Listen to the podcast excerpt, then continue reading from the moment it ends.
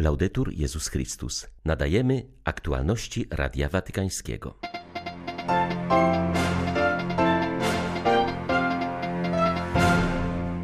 Jutro papież Franciszek wyruszy w podróż apostolską do Kanady. To wizyta pod znakiem uzdrowienia i pojednania, ale jej celem jest także umocnienie roli ludów tubylczych we współczesnym społeczeństwie, podkreśla kardynał Pietro Parolin. Pogłębia się kryzys na Sri Lance. Kardynał Malcolm Ranjit potępił działania władz, które wczoraj w stolicy krwawo stłumiły antyrządowe protesty. W Lomani w północnych Włoszech odbył się pogrzeb siostry Luizy Delorto, włoskiej misjonarki zamordowanej 25 czerwca na Haiti. 23 lipca witają Państwa Marek Krzysztofiak i Łukasz Sośniak. Zapraszamy na serwis informacyjny.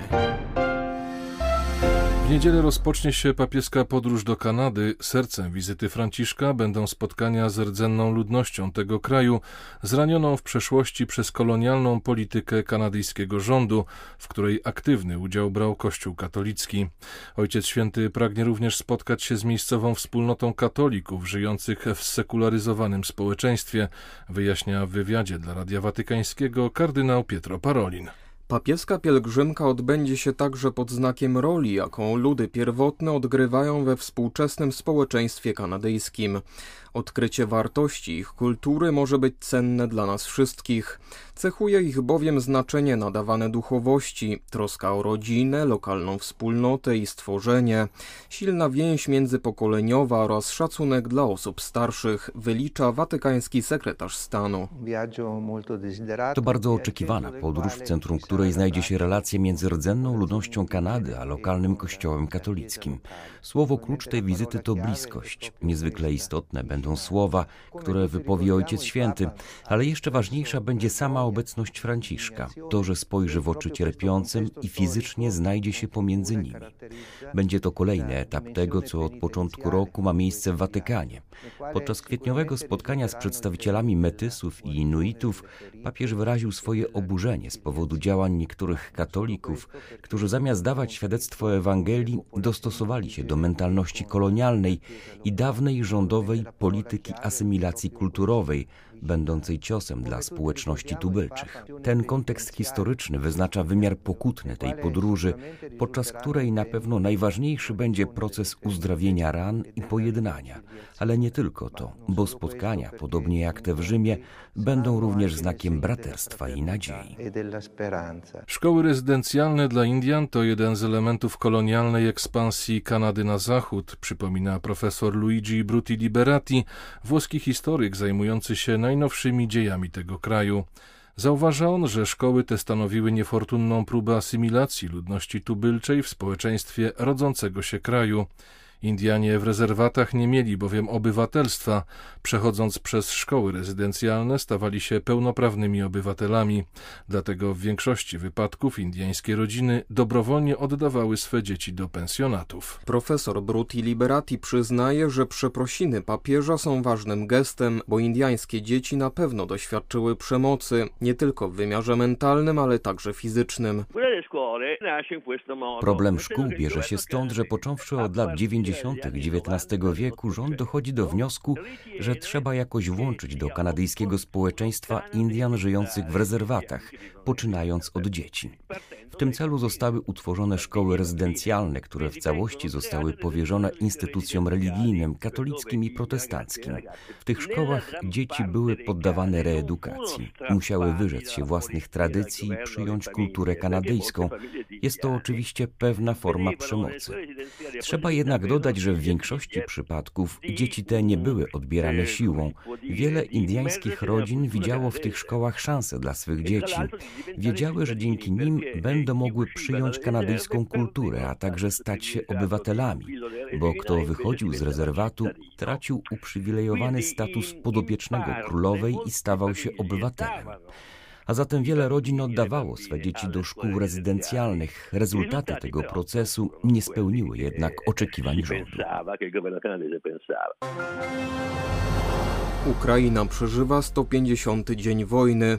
Ostatniej doby epicentrum rosyjskich ataków rakietowych był Charków i Mikołajów. Cały wschód i południe kraju płonie, niewinna krew wsiąka w ukraińskie czarnoziemy. W tej wojnie, którą papież nazwał świętokradczą, każdy dzień przynosi nowe ofiary i zniszczenia, ale Ukraina trwa, modli się i walczy, powiedział w swym codziennym przesłaniu arcybiskup Światosław Szewczuk.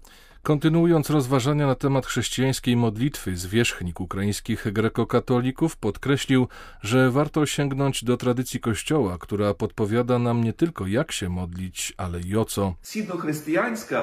Wschodnia duchowość wyróżnia pięć rodzajów modlitwy: dziękczynną, błagalną, wstawienniczą oraz modlitwę uwielbienia i przeproszenia. Dziś chciałbym zatrzymać się nad dziękczynieniem. Modlitwa dziękczynna pozwala nam zrozumieć, że nie ma niczego, czego byśmy od Boga nie otrzymali. Przede wszystkim dziękujemy Bogu za dar życia i zbawienia. W tym tragicznym czasie wojny obdarza nas nadzieją. Boże, dziękujemy, że dożyliśmy dzisiejszego poranka. Dziękujemy za ukraińskie wojsko, za te dzielne dziewczęta i mężnych chłopców, którzy swoimi piersiami osłaniają nas przed rosyjskimi kulami. Za to, że Ty jesteś z nami, że nas nie zostawiasz, że wśród śmierci i wojny jesteś Bogiem życia i nadziei. Negocjacje między Ukrainą, Rosją, Turcją i ONZ zaowocowały porozumieniem w sprawie zboża. Poprawa obecnej sytuacji cieszy, ale bez zmiany systemu i większego uniezależnienia od niestabilnych źródeł upraw, takie kryzysy będą powtarzać się w przyszłości, powiedział Radiu Watykańskiemu Graham Gordon z Katolickiej Agencji Rozwoju Zagranicznego. Umowa oznacza uwolnienie 20 milionów ton zboża, które do tej pory utknęły w ukraińskich portach. Choć na całym świecie ceny żywności rosną, to niektóre rejony z powodu zablokowanego importu zboża z Ukrainy ucierpiały szczególnie. Kraje najbardziej poszkodowane, takie jak Sudan Południowy, Etiopia i Kenia czy Afganistan, będą mogły wykorzystać odblokowane zasoby. Konieczne jest w momencie wspieranie światowego programu żywnościowego. Potrzeba też ingerencji w rynek. Spekulacja na rynku zboża spowodowała wystrzał cen żywności na świecie. W dłuższej perspektywie trzeba także podwoić wysiłki, by przeciwdziałać zmianom klimatu. Kraje jak Kenia nie ucierpiały tylko z powodu zablokowania ukraińskiego zboża. Ostatnie lata pokazały, że kryzys dotyka je ze względu na susze, które uniemożliwiają ich produkcję. Są one zależne od bardzo długich łańcuchów dostaw, a zatem konieczne jest powstrzymanie globalnego ocieplenia i zdywersyfikowanie światowego systemu żywienia. W realiach wojennych duszpasterstwo młodzieży na Ukrainie nie przestaje działać. Księża starają się wyjść naprzeciw potrzebom młodych ludzi. Trzeba uczyć młodzież, jak być odpowiedzialnym za kraj, jak się bronić, a jednocześnie nie wpuszczać do serca nienawiści, powiedział ojciec Wadim Dorosz, oblat pracujący w winnicy. Co roku oblaci organizowali w Tyrowie chrześcijański festiwal młodzieży Oddech Życia. Jak zaznacza ojciec Dorosz, zastanawiano się, czy tegoroczna edycja powinna się odbyć.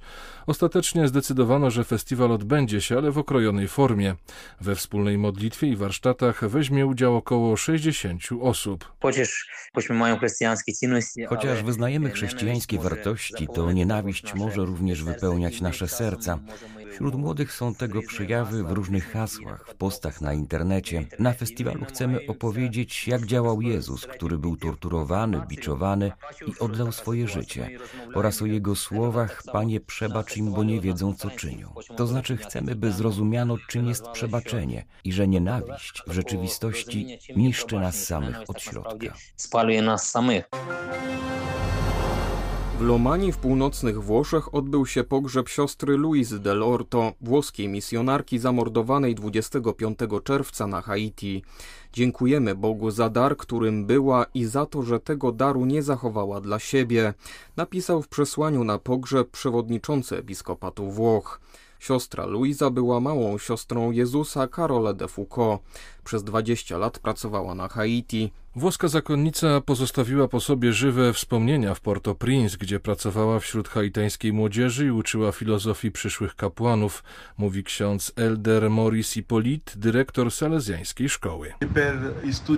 W studentach, w młodzieży, w ubogich i we wszystkich osobach, które ją poznały, pozostawia ogromną pustkę, ale też i pewność, że była osobą, która dojrzała do nieba. W tym sensie, że jej sposób życia, zawsze i tylko dla Jezusa i Ewangelii, to najsilniejsze wspomnienie, jakie po sobie pozostawiła. Młodym, którzy mnie pytają, co teraz robić, odpowiadam, musimy kochać i wyzbyć się nienawiści, bo mogą nas zabić w każdej chwili. Wciąż słyszymy wystrzały i nigdy nie wiesz, skąd może przylecieć kula. Wiemy, że w każdej chwili możemy zostać postrzeleni, lecz staramy się, by śmierć zastała nas gotowych, bo robimy to, co mamy robić i jesteśmy tym, kim mamy być świadkami, a zatem męczennikami, świadkami prawdy i miłości aż do końca. Sri Lanka nadal pogrążona jest w politycznym chaosie. Zaledwie dzień po wyborze nowego prezydenta wydał on rozkaz stłumienia protestów młodych Lankijczyków. Setki uzbrojonych żołnierzy wtargnęło do ich obozu znajdującego się przed siedzibą głowy państwa. Jeśli władze nie przeprowadzą śledztwa w tej sprawie, będą musiały to zrobić międzynarodowe organizacje praw człowieka, powiedział kardynał Malcolm Ranjit, ordynariusz Colombo. Kryzys w tym południowoazjatyckim kraju trwa. Lankijczycy protestują przeciwko władzy, którą oskarżają o doprowadzenie do gospodarczej ruiny. W wyniku szturmu na obóz wielu protestujących zostało dotkliwie pobitych, aresztowano kilku dziennikarzy i prawników. Apeluje, by nie działać w ten sposób. Wzywamy prezydenta, by przeprowadził śledztwo i pociągnął winnych do odpowiedzialności, zaznaczył kardynał Ranjit. Były premier został prezydentem tylko dzięki głosom parlamentarzystów, którym powiedział, że będzie bronił konstytucji. Zamiast tego wystąpił przeciwko podstawowemu prawu do protestu, z którego młodzież skorzystała bez użycia przemocy.